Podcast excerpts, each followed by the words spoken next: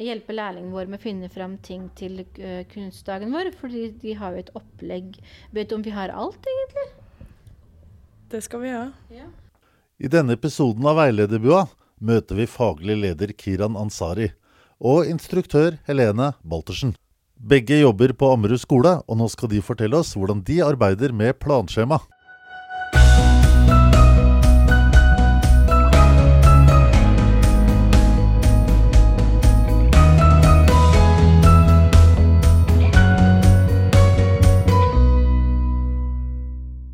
Velkommen til Veilederbua. Ansvarlig for denne episoden er Heidi Gabrielsen. Jeg heter Rune Brekk.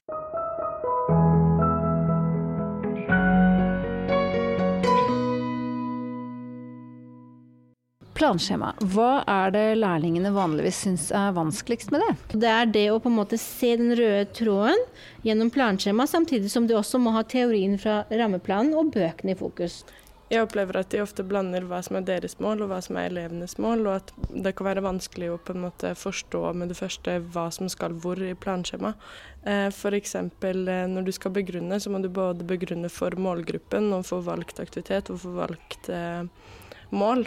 Og da er det ofte man kan føle at man gjentar seg selv veldig mye. Men det å kunne skille mellom hva som faktisk skal hvor, da. Hvordan jobber dere med planskjema i løpet av hele læretiden? Altså Første halvåret nå så har vi hatt fokus på f.eks.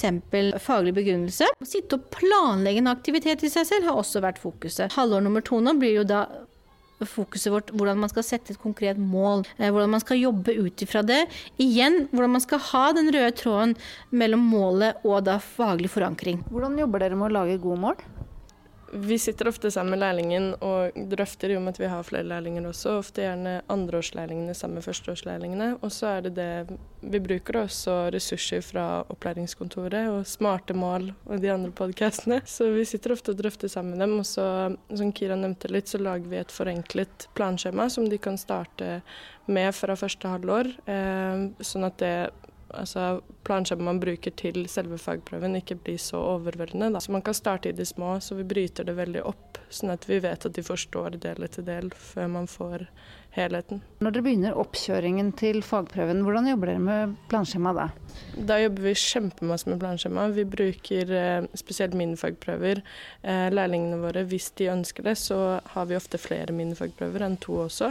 Vi prøver å ha i hvert fall at de får eh, skrevet et planskjema annenhver uke. Gjerne også i de kompetansemålene som vi ser at går igjennom og om igjen i fagprøvene. Sånn at hvis de skulle komme opp i det samme på selve fagprøven, så kan de være heldige og kan bruke det de allerede har skrevet og planlagt fra før. Da. Og så bruker du disse planskjemaene til å gjennomføre aktiviteter med elevene på aktivitetsskolen. Som igjen gir dem jo sikkert et sånn mestringsfølelse, ikke sant. At de bidrar inn mot AKS.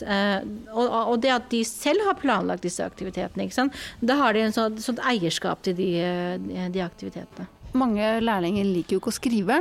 Og de mister litt motet når de skal sette seg ned og skrive. Hvordan møter dere denne utfordringen? Vi motiverer de, men også sitter én til én. Vi pleier å koble PC-en opp til stor skjerm, sånn at vi sammen kan drøfte planskjema. Og ofte hvis de er utrygge på det, at vi gjør det med flere lærlinger sammen. At vi alle samarbeider rett og slett på ett planskjema, sånn at vi kan lære litt av hverandre alle sammen.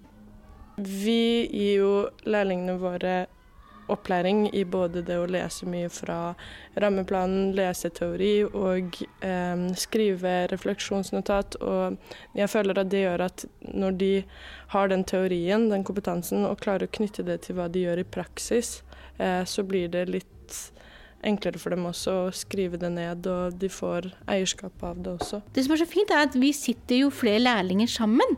Og da kan vi sitte og drøfte eh, ulike kompetansemålsituasjoner, og plutselig kan det åpne seg for en, og da begynner man å skrive. Så det er det å ha en læringspartner eh, underveis i hele prosessen som vi ser på en måte motiverer, for det hjelper hverandre også.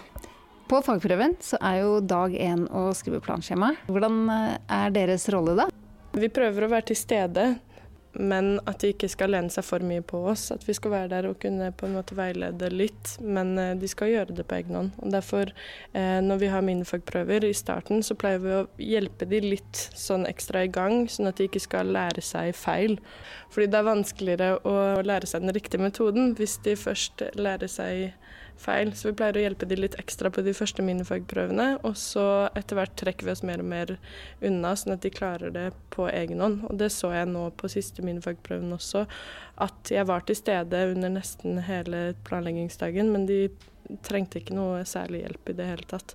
Og det tror jeg er eh, fordi at vi har vært såpass til stede og veiledet i den riktige veien på de første. Så på selve fagprøven så er vi der for dem, men forhåpentligvis så trenger de ikke så mye hjelp. Det å bare vite at vi er til stede på huset er en trygghet i seg selv for dem. Å eh, vite at ok, hvis vi sitter fast, så kan vi få litt veiledning. Og det er den der relasjonen igjen, eh, og det trygghetsforholdet som vi har til dem, som gjør at de faktisk blir trygge på seg selv, men samtidig også at de vet at vi er tilstedeværende. Vi pleier å hjelpe de eh, i oppstart, eh, sånn at vi vet at de har forstått oppgaven riktig. Sånn type veiledning, da. Nå har jo dere hatt mange lærlinger her på Ammerud over mange år. Men hvis dere var en ganske ny lærebedrift, eh, hvordan ville dere begynt å jobbe med dette med planskjemaet? Jeg tenker jo først og fremst at det er viktig å på en måte tatt alle de kursene som opplæringskontoret har.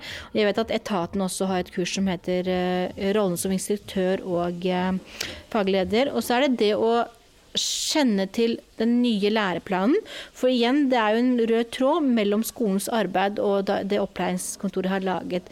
De grunnprinsippene er jo de samme. En annen ting som jeg også tenker er en suksessfaktor for å være en god lærebedrift, er jo å ha tett dialog med opplæringskontoret. Eh, og de er veldig flinke til å gi eh, svar ganske raskt tilbake. Og det er det å være i dialog med dem rundt lærlingene, rundt planskjemaet, rundt alle prosessene som på en måte omhandler lærebedriften.